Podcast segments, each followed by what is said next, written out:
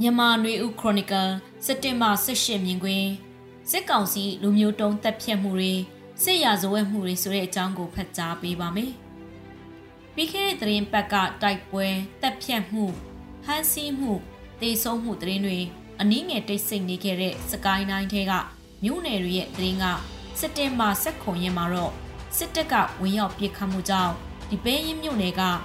လက်ရက်ကုန်းကျေးရွာဖုန်ကြီးကျောင်းဝင်းထဲဖွင့်ထားတဲ့စာတင်ကျောင်းကကလေးသူငယ်လေးဦးသေးဆုံးတဲ့သတင်းအဆိုပါနေ့မှာပဲဒဇယ်မြို့နယ်ထဲမှာလဲအုပ်ဖို့အာရွာကိုစစ်ကောင်စီတပ်တွေဝင်ရောက်ပြီးကျေးရွာသားဆဲဦးခန့်တပ်ဖြတ်ခံရပြီး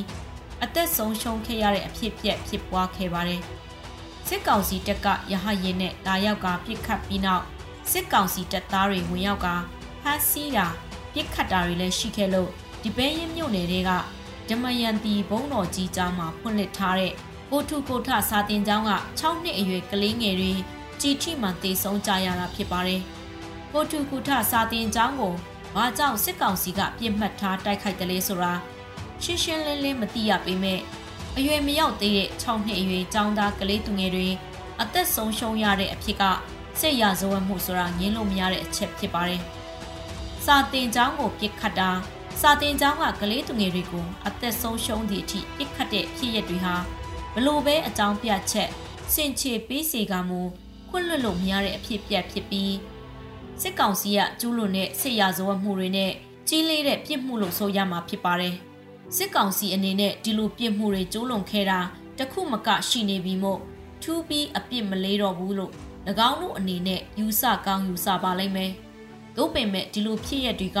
ပြည်သူလူထုရဲ့နာကြီးမှုကိုပုံမှုနှစ်ဆိုင်စေပြီး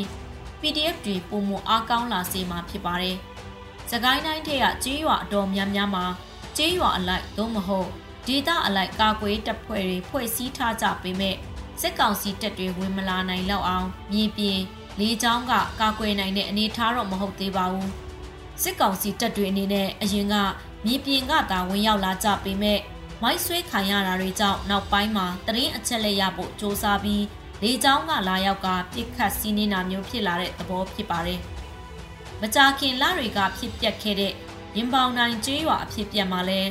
ချင်းကာကွယ်ရေးအဖွဲ့တွေခရီးထောက်နာတဲ့အကြောင်းတင်ရပြီးလေကြောင်းကလာရောက်ပြစ်ခတ်စီးနေရမှာတေဆုံးမှုတွေဖျက်ဆီးခံရမှုတွေရှိခဲ့တာဖြစ်ပါတယ်။အခုနောက်ပိုင်းမှာစစ်ကောင်စီအနေနဲ့ PDF တပ်ဖွဲ့တွေကိုတရွာဝင်တရွာထွက် ရှာဖွေတိုက်ခိုက်နိုင်ဖို့တဲ့တရင်ရတဲ့အခါမျိုးတေချာတယ်လို့ယူဆရတဲ့အခါမျိုးနေရာမျိုးမှာမှလေကြောင်းကိုတုံပြီးပြစ်ခတ်တာရဟရင်နဲ့စစ်ကောင်စီတပ်တွေချပြီးဝင်ရောက်စီးနှင်ဖို့ကိုပို့ပြီးလှုပ်လာကြတာဖြစ်ပါတယ်။အင်အားအကြဆုံးများလာတဲ့အတွက်ရခင်နှစ်ကုံပိုင်းနဲ့ဒီနှစ်အစောပိုင်းကနီးပြူဟာတွေနဲ့မတူတော့ဘဲအခုလိုနီးပြူဟာပြောင်းလဲလိုက်တာလို့ယူဆရပါတယ်။ စစ်ကောင်စီအနေနဲ့ကရင်ပြည်နယ်မြဝတီကော့ကရိတ်ကြာအင်းစိတ်ကြီးကြောက်ကြီးဖာပွန်တို့လိုဒေသမှာ PDF ပူပေါင်းပါဝင်တဲ့ KNU လက်နက်ကိုင်အဖွဲ့တွေနဲ့တိုက်ခိုက်နေရသလိုတရားပြည်နယ်ရှမ်းပြည်နယ်အဆက်မိုးပြဲဖေခုံဒီမော့ဆိုတို့လိုမှာလဲမကြာခဏတိုက်ပွဲတွေဖြစ်ပွားနေသလိုကချင်ပြည်နယ်အဆက်ပေါ်လင်းကတာ အင်းတော်တို့မှာလဲတိုက်ပွဲတွေမကြာခဏဖြစ်ပွားနေတာဖြစ်ပါတယ်လက်ရှိအချိန်ပြင်းထန်လာတဲ့နောက်စစ်မျက်နှာတစ်ခုကတော့ရခိုင်ပြည်နယ်မြောက်ပိုင်းမောင်တော်မူတီတောင်ပလက်ဝဒေသတွေဖြစ်ပါတယ်စစ်ကောင်စီအနေနဲ့တနိုင်ငံလုံးကိုလက်နက်နဲ့ထိန်းထားနိုင်တယ်ဆိုတဲ့အသွင်မျိုးပြသချင်တာ